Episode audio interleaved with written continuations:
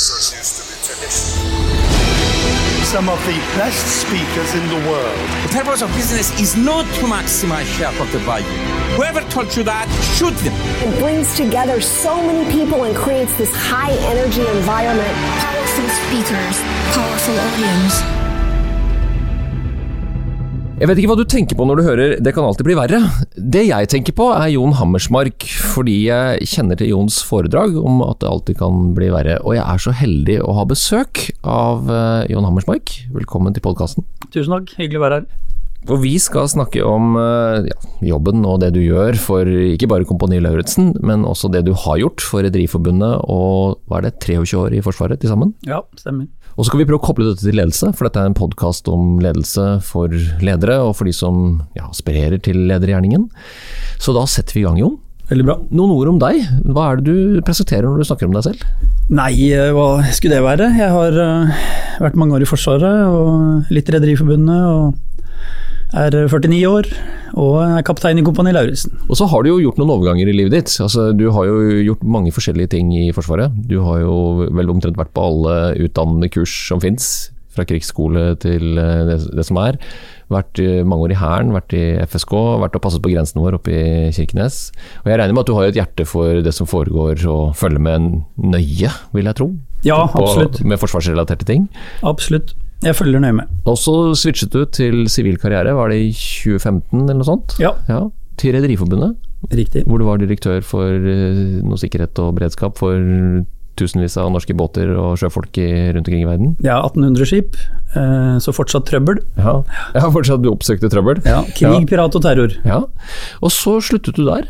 For noe som kanskje ville, noen ville opplevd det som Dette er et modig valg til underholdning, og du er foredragsholder, en ettertraktet en, det vet jeg. Og, og, de skryter jo veldig av deg, de som har hørt deg på scenen. Jeg kommer jo litt i kjølvannet noen ganger, så jeg hører jo det. det og det spennende da er, hva, hva, har du tenkt under det siste skiftet ditt fra Rederiforbundet? Være direktør i Rederiforbundet, kunne kapitalisere på mange års forsvar- og sikkerhetserfaring, og så gjør du dette skiftet. Hva er det for noe? Nei, det føltes jo ikke helt trygt. Jeg måtte tenke meg om. Uh, og så var det jo sånn at uh, Seafood skulle begynne å spille inn to sesonger i året, dvs. Si for de unge og kjendiser. Uh, og det var egentlig ikke kompatibelt med å være småbarnsfar, samboer, være direktør i Rederiforbundet og gape overalt. Så da ble vi enige, Seafood og jeg, om at vi skriver en avtale som er god nok til at jeg kan drive med det og holde foredrag ved siden av. Ja. Men jeg føltes ikke trygt. Det gjorde det ikke, for jeg ante jo ikke noe om hvordan dette skulle gå, men det har gått bra. Men helt uttrykk kan det ikke vært, for dette er jo da Dag Otto Lauritzen og Christian Ødegaard sin idé om å egentlig ta førstegangstjenesten, slik jeg faktisk, som jo var i førstegangstjenesten i 1989, kjenner igjen. Det, altså jeg opplever at det ligner, må jo ligne mye mer på det som var før, enn det de holder på med nå, tror jeg da. For jeg kjenner meg i hvert fall igjen. Eh, og så fikk jo dette Gullruten på første forsøk, altså tilbake i 2020. Mm. Og det er jo et veldig interessant og populært konsept blant kjendiser. Og så har dere tatt dette steget nå ut og invitert alle mulighet til å søke. Mm. Og det er vel det dere har gjort òg. Dere har vel castet, som det vel heter. Folk med forskjellige bakgrunner. Men de har noen fellesnevnere, de som er med i tropp 1. Ja. Har de ikke det, Jon? For det første så er det jo fra generasjon Z, dvs. Si de er født etter 1995. Uh, og så er det individer som sliter uh, på et eller annet vis med overgangen til voksenlivet. Så det vil si at de har alt fra sosial angst, det er mobbeofre, det er de som bare har en grad av generell latskap, eh, mangel på struktur og målsetninger og ambisjon, eh, og sammen så blir det en eh, veldig artig gjeng å jobbe med. Jeg har jo sett på det, og det er jo noen herlige typer. Det er jo god TV, dette her. Jeg må innrømme at jeg har ikke sett alle episodene med disse kjendisene, men dette her er jo jeg, Kan du sammenligne det på noe vis? Er det, er det veldig annerledes, tropp 1 kontra de to forrige sesongene? Ja, Det første å si om det er jo øh, åpenbart at dette ligner jo egentlig mer på vanlig verneplikt. For hva er det som skjer, øh, i hvert fall tidligere når hele årskullene skulle inn øh, fra herresiden, det er jo nettopp at du får alt. Alt må håndteres. Mm. Mens kjendiser de har jo en grad av um, um, altså De har jo vent seg til kamera. De, de har uh, kanskje en eller annen grad av livserfaring som, som er positiv. Uh, og så har de jo ganske klare målsetninger og ambisjoner generelt sett. De har lyktes med et eller annet, stort sett. Mm. Mens disse unge voksne, de sliter jo. De har problemer. Uh, og målet vårt er jo å få de til å finne ut av dette. Og så har du gjort et grep, slik at nå stemmer man jo ikke ut, eller man vel, plukker ikke ut eh, rekruttene. De får bli gjennom hele sesongen, er det riktig? Ja, ikke helt riktig. De får bli så lenge det er bra for de å være der. Sånn, ja. Eh, og så får de også selvfølgelig lov til å si at nok er nok. Fordi eh, på et eller annet tidspunkt så kommer du til et punkt hvor den strikken er så eh, stram at den risikerer å ryke.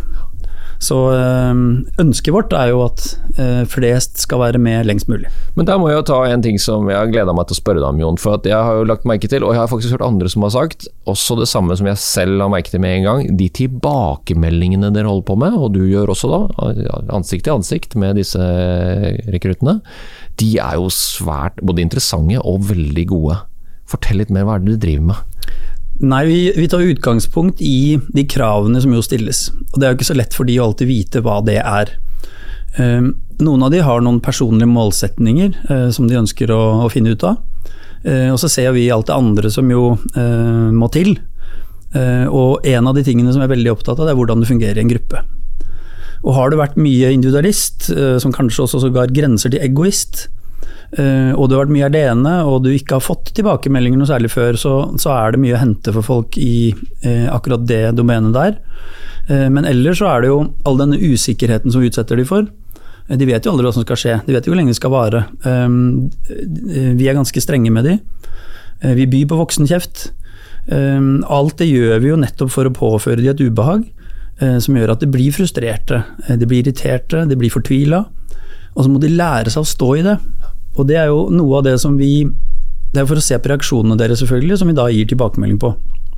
Og De tilbakemeldingene gis jo øh, ganske kort og tydelig, øh, samtidig som vi jo ønsker å få til en utvikling. Og da må jo tilbakemeldingen gi mening for den som får tilbakemelding.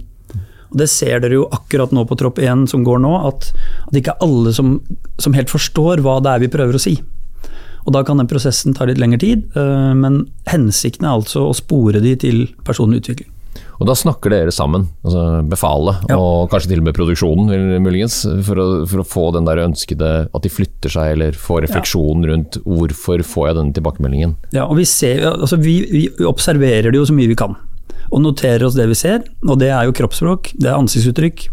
Det er uh, verbale uh, forføyninger som kommer. Det, det er egentlig hele spekteret av reaksjoner og oppførsel uh, i de forskjellige situasjonene vi setter det i. Og så øh, tenker vi gjennom hva skal til nå for å endre vedkommende. Ja, jeg har et sitat som jeg har fått blitt tipset om. Jeg har ikke fanget opp selv, men det var et veldig bra tips. Spør om å gi tilbakemelding til han som gir tilbakemeldinger, om at en av deltakerne i år har sagt at de kjefter på en pedagogisk riktig måte. Er ikke den vakker? Jo, det, det er Rassat som ja. har sagt det. ja, men er, det, er ikke det vakkert å, å, få tilbakemelding på den tilbakemeldingen? At det oppfattes som ok, her får jeg en tydelig beskjed om at nå er jeg litt ute, ja. men gjør dette. Jo, det er veldig fint, men det kan også forklares med noe helt grunnleggende. Det er at alle har behov for å bli sett og hørt. Og hvis du gir tilbakemelding på nettopp at du har blitt sett og hørt, positivt eller negativt, så gir det en grad av følelse av å ha blitt sett og hørt. Men den tilbakemeldingen må gis konstruktivt og med respekt. Mm. Og med et ønske om å ville påvirke positivt. Mm. Jeg har også lært meg, også drevet med dette i mange år som i lærergjerningen min, at hvis du hekter det på noe konkret, så er det mye lettere lettere for de du gir tilbakemeldinger til, å gjøre det til sitt eget. Ja. Så det ikke blir at man går inn i det, men 'jeg føler at', eller 'nå tenker jeg at', eller 'jeg vil gjerne beskrive at det, det blir uklart. da. Så jo tydeligere, jo enklere og jo mer konkret. Men det er jo krevende å lese kroppsspråket til andre mennesker. Ja. Det tar jo litt tid å bli trygg på hvordan blir dette tatt imot. Og man kan ta feil. Mm. Så det man må gjøre er å trene på oppmerksomhet. Man må trene på å få med seg disse tingene. Altså Det som ikke sies, kan være vel så viktig som det som blir sagt. Så Da må man følge med på gjengen sin. Man må følge med på det som skjer når du ikke står i senter selv, og se hvordan gruppene fungerer, hvem som passer på hvem, hvem som orker å bidra selv om de er slitne, hvem som sier positive ting og drar de andre opp, versus de som dyrker misnøye, mm. osv. Det må man trene på, å eh, gjøre hele tiden. Og her kommer jo da hele poenget. Hvor overførbart er dette til eh, små og store organisasjoner, til eh, team og enheter som jo ikke møtes på brakka etter at man har prøvd å løse en oppgave. Ei heller knepper teltet sammen og varmer opp primusen og bærer vann og vann om og spjelker hverandres ben og sånn. De som kommer på jobb, gjør jobben, mer eller mindre motivert og frivillig, og så drar de hjem igjen og tenker bare 'what a shitty day'. Ja, det er jo ofte sånn. Um, så man må trene på feedback-kultur. Ja. Og du må etablere feedback-kultur. Og det er lederens oppgave, ikke sant? Det er sjefens oppgave. Ja. Jeg liker å kalle det sjef, eh, mens det er kolleger av deg eh, som har ødelagt det ordet ved å gjøre det om til et verb. Å sjefe og, og bedrive sjeferi. Eh, Det er jo ikke noe annet enn dårlig lederskap i min bok. Så forsvarslederen er det aldri noen som har sagt, det heter forsvarssjefen. Heter heller ikke kompanilederen, det heter kompanisjefen. Så jeg liker å kalle det sjef. Og de som tør å si at her er det jeg som er sjef, de har sannsynligvis tatt ansvaret det innebærer. Ja, det kan, vi, det kan vi komme tilbake til. Det blir fort litt eh, tematikk over det der, tror jeg. Men vi, gitt at lederen, sjefen, går inn i den eh, rollen som det er, og tar på seg eh, ansvaret for å gi tilbakemeldinger til sine medarbeidere, eller sine undersåtter, da, som det fort blir, Ja. kan man da rett overføre disse fem kategoriene under litt norm, litt over eller over norm, i tilbakemeldingskultur i det sivile? Tror du det? Nei, jeg tror, jeg tror vi skal være forsiktige med å, å rangere for mye. Uh, og eh, jeg tror mye mer på en indre eh, kraft til å ønske å bli den beste versjonen av seg selv. Så lederskap handler i mine øyne kun om mennesker. Eh, utelukkende. Hvordan sporer du dine medarbeidere til å ønske å bli bedre, til å nå mål sammen, til å bidra i teamet på best mulig måte, for så å selv bli mer motivert, få mer uh, arbeidsglede, og ikke minst ta eierskap og involvere seg og aktivere seg i de arbeidsoppgavene man har, og den bedriften man jobber i. Det må komme fra innsiden, for over tid så kan du ikke drives av ytre motivasjon og applaus. Nei, og det autentiske snakker man jo ofte om, eller genuine. Det at man klarer å se Hva er det noen som til og med påstår at man kan se sjelen til folk i øynene? Det er muligens ikke alle som helt er mottagelige for akkurat den. Men det, en eller annen form for rangering vil jeg jo ha, Jon. Altså Hvis du var min sjef, så hadde jeg ønsket at du hadde sagt til meg, Tor, dette er som jeg forventer. Ja. Eller aller helst så ville jeg hørt dette er litt over det jeg forventer, men du har litt å gå på. Ja, og, men det er jo bedrifter som driver med rangering. Altså Om det er selgere eller om det er det ene eller andre. Det er Noen steder så er det naturlig. Eh, Men jeg tror vi skal være forsiktige med å la personlig utvikling og et ønske om at individene skal levere best mulig, styres av en resultatliste på, eh, på en vegg. Og nå skjønner jeg at det ikke var det eh, du prøvde å si heller, men du vil jo alltid eh, fargelegge tilbakemeldingene dine i, med positive og negative ord eh, på en måte som har til hensikt å spore til utvikling. Og noen ganger så er det voksenkjeft, og andre ganger så er det bare skryt. Eh, Men det må jo da selvfølgelig tilpasses eh, den enkelte og det du prøver å få til.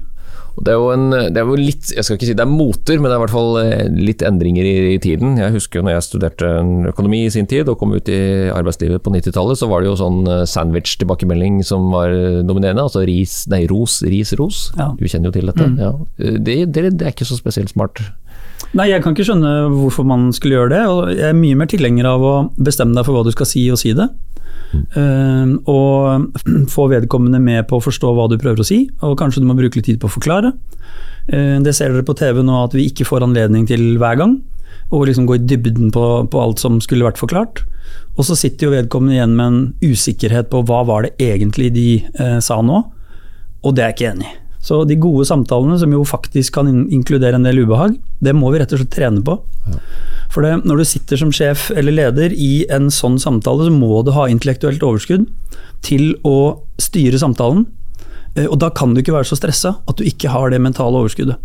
Derfor så må vi trene på det. Det er akkurat som å flytte melkesyreterskel. Du gjør det med ubehagelig trening. Jeg tror det er et steg før det også, det er du sikkert enig med meg, du må jo være til stede. Absolutt. Og det er jo ikke alltid man er heller, i hvert fall når man er travel og har kanskje pressa inn eh, litt for optimistisk, tidsoptimistisk, da. En samtale, kanskje samtalen har kommet bardus på deg. Nå er, nå er jeg i leder- Ja, eller ja. sjefsstolen, da. Ja. Og så må man bare ta den samtalen med den ansatte, og så skal man gi en tilbakemelding, og så blir det gærent. Fordi at man ikke er helt uh, på plass. Og det er fort gjort. Ja. Noen jeg, erfaringer med dette her, eller? Jeg har alltid fått tilbakemelding eh, på at folk aldri har lurt på hvor de har meg. Eh, og det handler jo nettopp om tydelighet og det å være åpen og ærlig. Og hvis du skal klare det på en god måte, så må du begynne med å være deg selv. Hvis du går rundt og spiller skuespill i lederrollen, så blir det veldig krevende fra situasjon til situasjon. Det er en ustø plattform å stå på. Og så glemmer du jo hva du har gjort og sagt i forrige runde, fordi du da spilte skuespill. Altså du, rett, du må rett og slett være deg sjæl på godt og vondt. Men så er det noen som sier da at du ikke bør være deg mer enn 70 okay. i, i uh, lederrollen, men poenget mitt er å være seg selv. Dette er meg, uh, og så eh, får dere forholde dere til det. Og den tydeligheten vokser jo på folk når de får erfaring, Ja. og kanskje kan eh, finne ut av det med å også få tilbakemelding på sine egne tilbakemeldinger. Ja.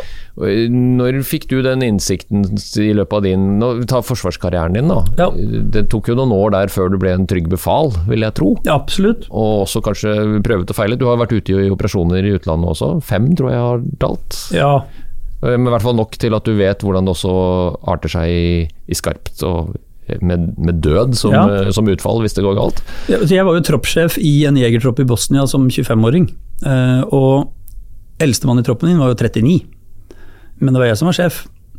Og det er klart når du får så mye ansvar i så tidlig alder, så lærer du jo litt om ansvar, og du, det blir jo mye læring fort. Eh, en av læringen, lærdommene mine nå som jeg rett rundt hjørnet blir 50, det er jo at vi skal ikke være redd for å gi ansvar til de unge. De vokser med det, gitt at rammene rundt, uh, muligheten for å få sparring uh, og tilliten er på et nivå som gjør at det er mulig å lykkes. Vi skal ikke være redd for å la de prøve seg. Men kom de jeg håper å voksne til deg og ga deg tilbakemeldinger da? Ja, ja. Ja. Og jeg husker veldig godt vi satt en, en eh, sen kveld, og en av gutta hadde problemer på hjemmebane med sin kone, og eh, hadde jo barn og alt mulig rart, og det var trøbbel. Og da er det jo jeg som blir hans eh, nærmeste foresatte og sparringspartner. Så det er klart, da må du være til stede, som du sier. Du må være oppmerksom, og så er vel det viktigste for han å få snakke ut om det. For jeg hadde jo ikke særlig erfaring med det.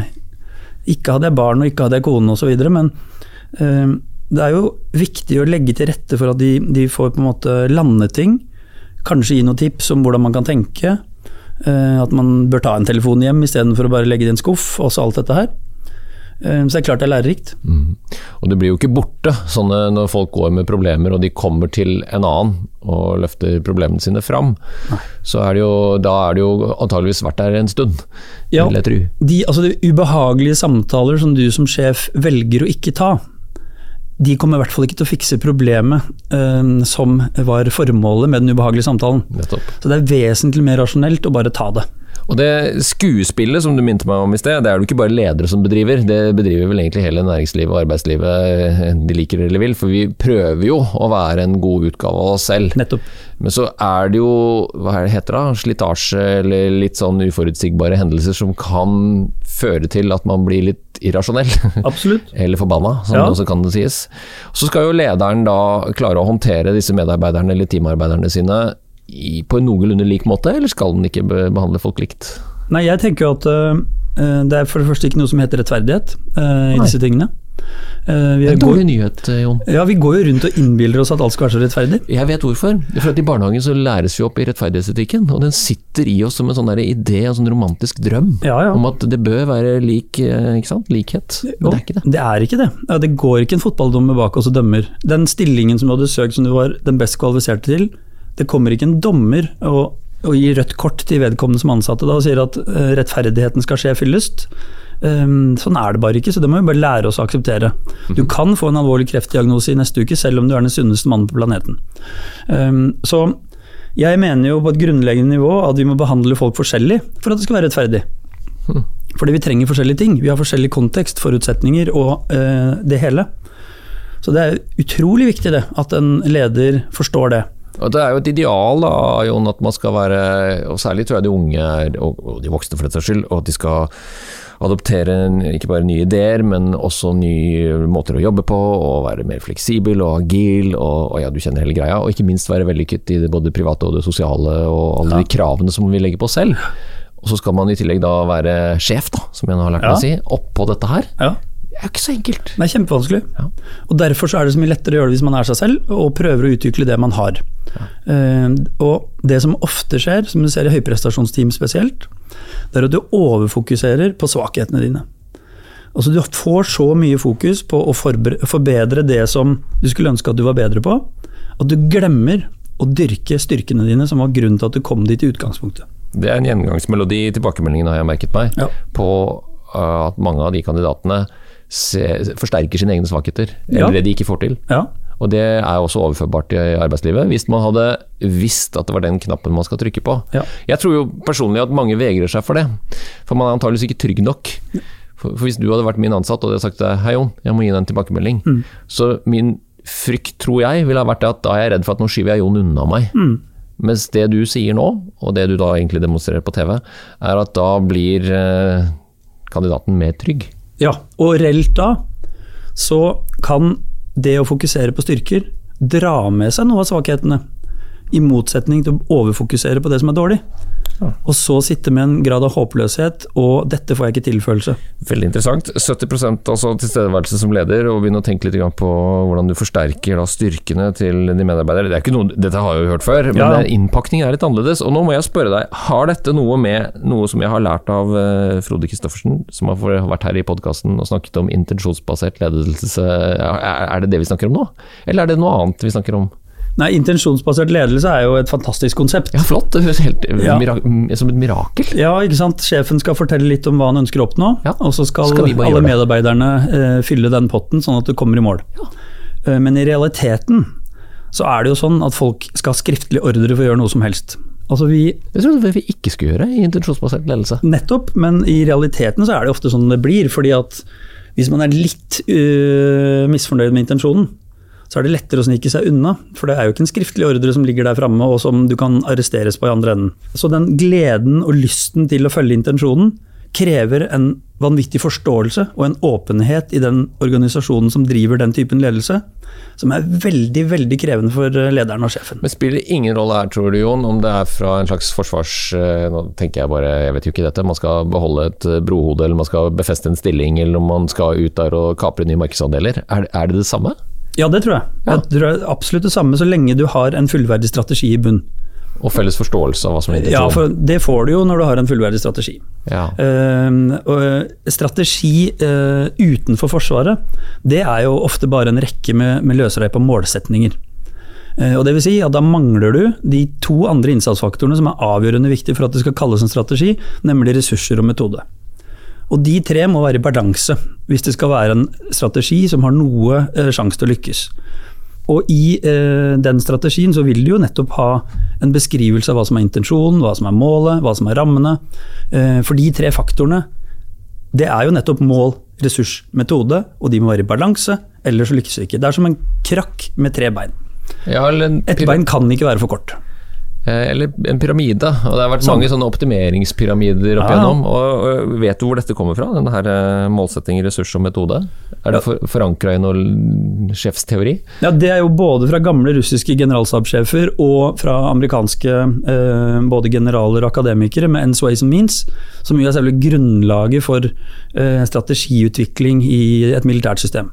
Og jeg mener det er helt overførbart. Eksempelvis så kom jo regjeringen sto, eh, til Erna med en cybersikkerhetsstrategi for en del år siden. Og det var ti løsreipa mål som, var, som ikke var målbare, uten ressurs og metode kobla på. Da er det ikke en strategi. Nei. Eh, Det var ikke noe kritikk til de som prøver å eh, omfavne strategibegrepet, men det er jo det som er spennende å snakke For det, det- skal vi ikke legge skjul på, at eh, krigen der nede i Ukraina og den spente sikkerhetssituasjonen Vi har fått den igjen, den kalde krigen er jo tilbake igjen. Den er ikke så kald heller for øvrig, den er ganske varm. Eh, Den har jo gjort at man har blitt enda mer nysgjerrig på å se ja, hva er det dette, denne forsvarstenkningen, hva, hva er det dere trenes opp til, og hvor overførbart er det? Og så finner man ut hvor sårbare vi er. Ja. Det tror jeg du merket vel spesielt også i Rederiforbundet. Nå visste du vel på forhånd. Ja, vi er veldig sårbare. Men når du tenker på den strategiforståelsen og lederforståelsen, hvis du skal ta essensen ut av det og si til meg hvis jeg var ny, øh, eller blir fascinert av dette, Ja. hvor bør jeg begynne hen, Jon? På å liksom skjønne det store og det lille i hva jeg kan, hva kan jeg, hvordan kan jeg påvirke nå teamet mitt i en sånn tilbakemeldingskultur som blir bedre. For jeg må jo, ha, jeg må jo bygge på de ressursene jeg har. Ja. Jeg har nå det teamet jeg har. Ja. Jeg, jeg kan jo ønske meg noen andre. Jeg har de, jeg har de målsettingene jeg har. Og jeg har det metodeverket jeg, Mm. Ja. som er kjent for oss. Hvor navigerer jeg dette her kompasset ditt? Ja, jeg Trekanten din? Ja, du må jo utvikle kultur. Eh, og Abrakadabra. Ikke sant. Og den kulturen den eh, står jo på mange forskjellige føtter, men det er jo klart at en god leder tilrettelegger jo nettopp for en kultur som uh, fører til de tingene du ønsker å oppnå. Uh, og hvis vi snakker om altså feedback-kultur på steroider, da. Det er jo et miljø hvor du kan gi negativ feedback til en enkeltperson i plenum, slik at det oppfattes positivt for alle. Altså, her har vi ikke tid til at alle skal gjøre de samme feilene. Vi byr på eh, dette i plenum, sånn at alle lærer av det. Men det må gjøres med respekt, det må være konstruktivt, og det må være høyt under taket. Jeg kjenner at jeg må tenke litt på det, for jeg, jeg har vel vært utsatt for mye rart i mitt liv eh, i arbeidslivet, og det hender jo noen ganger at det, man kan oppfatte det som sarkasme eller kritikk. Og, og det du snakker om nå, det der magiske ordet med hvordan klarer man i sin egen da, sårbarlighet og feilbarlighet Nettopp. til å ikke ta det personlig. Men det som er ganske elegant i begynnelsen, det er hvis du har avtalt med vedkommende at nå gjør vi det sånn. Ja. Og det jeg kommer til å si er som følger, eh, for at alle skal lære av det. Og hva er det som skjer? Jo, det er at vedkommende får jo mer respekt i gruppa, fordi du byr på sårbarhet. Du byr på en feil du har gjort, sånn at alle blir bedre. Og her tror jeg faktisk mange eh, sjefer da gjør en kjempefeil ved at de fokuserer på seg. Ja. og trekker det derre what's in it for me-kortet Ja. alt, og kanskje ikke de er klar over det heller, for at de står der og prater om seg sjøl. ja. Og enten hvor skuffa de er, eller hva de ønsker å oppnå med dette, og at du, min underordna, underordna, har mislyktes. Nettopp. Og da får jeg, det som skjer med meg da, og at motivasjonen min vi- Den gangen jeg hadde motivasjon i det hele tatt, for det har vi jo tall på. 70 av eh, ansatte de couldn't care less, egentlig. Og 20% av de er jo direkte motstandere av hele opplegget. Ja.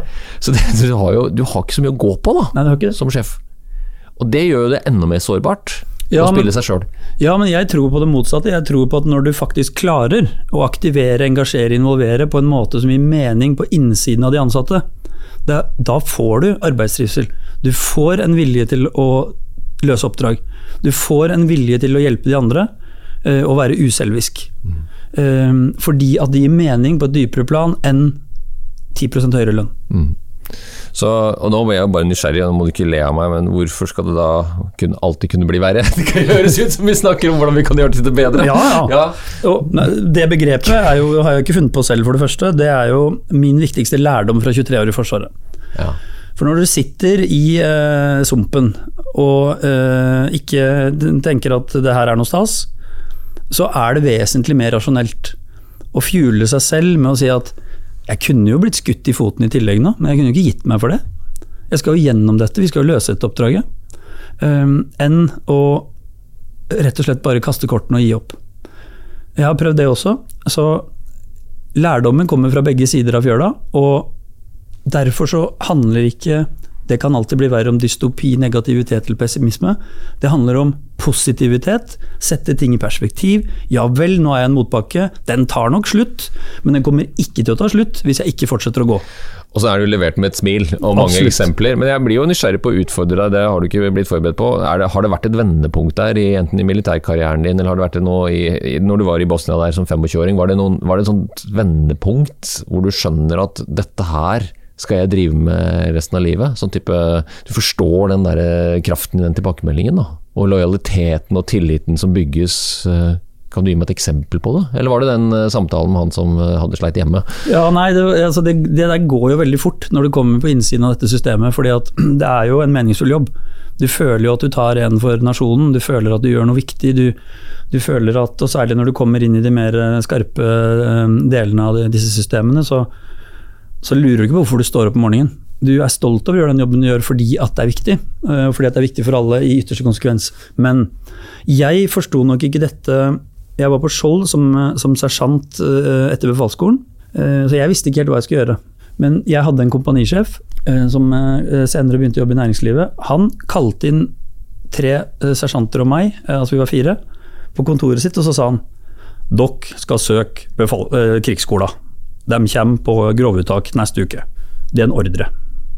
Eh, Ja, men jeg hadde ikke helt eh, Det er en ordre. Så skulle vi dra på opptak, og så kunne vi få velge etter opptaket og når vi fikk vite om vi kom inn eller ikke. Alle vi fire kom inn, og for meg så betød det 23 år i Forsvaret. Det er Tillit, da. Ja, men det er enda mer grunnleggende. Bli sett og hørt. Ja, og beordret. Kompanisjefen hadde sett fire talenter, han ville at vi skulle vite det. Alle fire kommer på krigsskolen.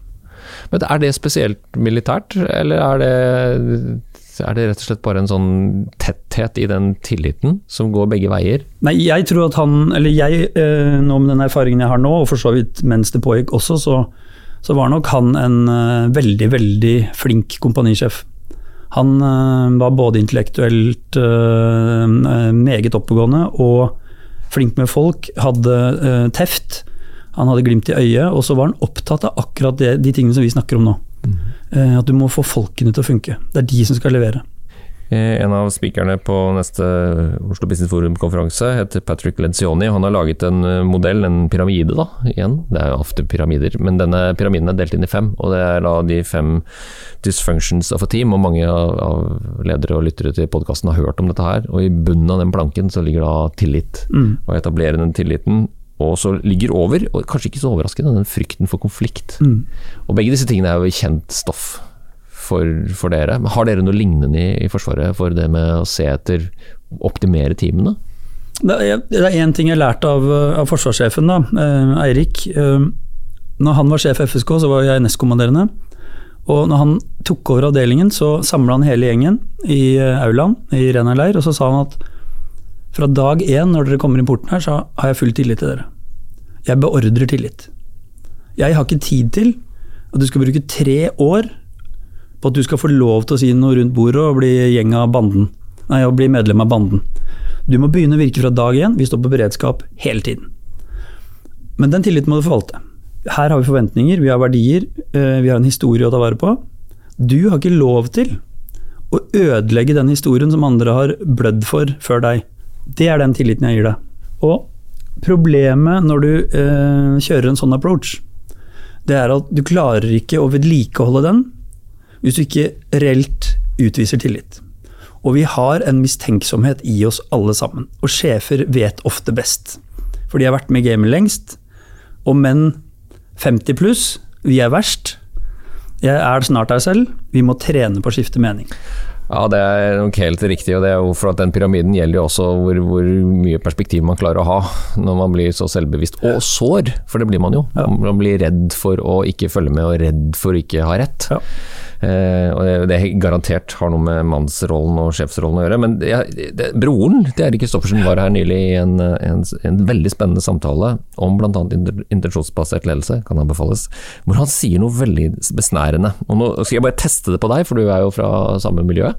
Eh, og han sier altså at, og her med, med, med næringslivstanker, da, hvis man tror at fremtiden blir som fortiden, så vil man jo bli overrasket hver gang hvis det inntreffer noe uventet. Og, og, du blir jo bare glad når jeg sier dette, Ja, ja. for dette er jo litt sånn jegermetaforisk. Det er jo sånn man blir lært opp, blir det ikke det? Eh, Absolutt, fordi at det er ingen av oss som kan predikere fremtid. Um, Det er altfor mange tilfeldigheter. CIA, NSA og Etterretningstjenesten tar feil hver dag. Um, Hadde vi vært i stand til å predikere fremtid, så vet jo du at da hadde Norsk Tipping hatt en veldig dårlig business case. Um, Yr.no hadde truffet hele tiden, osv. Uh, hadde jeg vært i stand til å predikere fremtid, så uh, hadde jeg visst hva jeg skulle gjøre med Flyr-aksjene i går. Um, men vi er ikke det. Og det er vesentlig mer rasjonelt å trene på å håndtere usikkerhet. Og hvordan gjør vi det? Jeg spurte Frode om det samme. Ja, Ja. Det er eh, ikke veldig enkelt, fordi at i bunn og grunn, og på helt basisnivå, så lener vi oss mot det trygge. Vi vil ha det trygt. Vi vil ikke ha mye risiko. Men hvis du skrur på den kritiske delen din av hjernen, og tenker gjennom alt som kan skje, om det er med deg selv, med sykdom og alle mulige andre ting, you never know. Overfør det til jobb. Du kan utvikle så mange scenarioer du bare vil, og bruke så mye tid på etterretning før du gjør en investering, og så går det i dass allikevel. Eh, Så noen snakker jo om magefølelse, intuisjon, eh, om å bare ha det. Eh, Og det er jo noen som åpenbart klarer gang på gang. Men de klarer ikke å forklare hvorfor de visste slik og sånn eh, at det ikke kom til å inntreffe f.eks. en kaskadeeffekt i, i globale verdikjeder. Um, og at det kom en pandemi, og at det blir krig i Ukraina, um, osv. Så, videre. så vi må trene på å akseptere usikkerhet. Og det kan de gjøre både fysisk og mentalt. Usikre ledere, hva er det de gjør når de blir usikre? Når de blir ekstra usikre? Jo, de krever mer rapportering. Og den rapporteringen er veldig ofte på ting som ikke har noe å si for resultatet. Så begynner man, eh, fordi at man selv har hatt eh, jobber nedover i strukturen, og stikker skrutrekkeren sin ned i andres materie, som gjør at de ikke får lov til å gjøre jobben sin på en skikkelig måte når det som jeg pleier å si, brenner på dass. Det er utrolig demotiverende. Når du har forberedt deg på noe som var uforberedt, og du er i gang med å håndtere, så kommer sjefen og plager deg i prosessen fordi at sjefen tror han kan best. Sjefen skal støtte og korrigere, men ikke overta jobben til de ansatte. Ja, og det vet vi, vi er på vei mot et samfunn som kommer til å trenge alle hoder og hender og, og, til stede, da, mm. og for hverandre. Det, og Det er jo det som brygger en, en sterk kultur. Og jeg, jeg, vet jo, Jon, at du, for det har du fortalt meg, at du holder på og du går litt sånn svanger med noen tanker om å fatte tankene dine og erfaringene dine inn i en perm. Ja. Det er jo populært nå. Fra, fra, ja, ja. fra samme riggen som har det kommet Det kom jo en etterretningsbok her nylig. Ja, det gjorde det. og nå kommer det en tredje bok. Ja, jeg øh, skriver bok for Gyllendal. Øh, og øh, har hatt litt dårlig tid til skriving i siste måneder, men den dukker vel opp i løpet av neste år, tenker jeg. den skal selvfølgelig hete 'Det kan alltid bli verre'. Det er klart. Det sier seg selv. Kan du si noe mer? da? Hva, hva kommer vi til å kunne lese der? Nei, Jeg er jo veldig opptatt av, eh, av eh, folk, individ. Eh, jeg er jo en oppfatning at man må jo forstå individ, homo sapiens menneske, for å forstå seg selv, for å kunne forstå andre. Og så er det åpenbart en del om gruppedannelse og teambuilding og hva som skal til for at høyprestasjonsteam og helt gjennomsnittlige team lykkes. Og så er det en god dose lederskap. Ja, eller eh, som jeg nå har lært å si, det, det er å være sjef med stor S. Eh, og jeg har i hvert fall lært masse med denne samtalen vi har hatt her, og hvis jeg skulle prøvd å oppsummere det, så er det jo den tilstedeværelsen og det intellektuelle overskuddet som kreves i alle situasjoner hvor man går i samtale med et annet menneske om det være seg et lite eller et stort menneske. Mm. Det er jo vanskeligere jo, jo, mer ukonsentrert den man snakker med er, selvfølgelig. Se de godt i øynene og lese kroppsspråk. Være trygg nok til å kanskje spørre, da, hvis man er litt usikker på mm. hva, hva oppfatter du nå. Eh, og så har jo du gitt oss noen veldig spennende synes jeg, tanker om dette med hvordan man identifiserer kultur gjennom strategibegrepet og det jeg kaller ledelsesfaget. Da. For i kjernen, det, det snakker jo alle om også. At det, det, vi er med på å skape hver dag, altså måten vi prater sammen, måten vi handler sammen, måten vi kanskje ikke snakker sammen, mm. er jo kulturen vår. Er det noen ting jeg har glemt nå? Hvis vi er på sporet av hva bør en sjef tenke på? Nei, jeg, det, det, er en ting som er viktig for meg, og som jeg har lyst til å understreke avslutningsvis. Det går an å stille høye krav, men samtidig være vennlig. Det takker jeg for, Jon, og jeg tar det til meg også. Og tusen takk for at du tok deg tid til å prate med oss i OBF-podden. Og lykke til med bokskrivingen og foredragsvirksomheten. Og blir det en tropp to, eller? Det gjør det. Det er besluttet. Spennende. Ja. Da gleder vi oss til det. Takk skal du ha, Jon. Hyggelig å være her. Takk for meg. Hvis du likte denne podkasten, hadde vi satt utrolig stor pris på om du abonnerte og gir oss en tilbakemelding i avspilleren. Some of the best speakers in the world. The purpose of business is not to maximize shareholder value. Whoever told you that, shoot them. It brings together so many people and creates this high energy environment. Powerful speakers, powerful audience.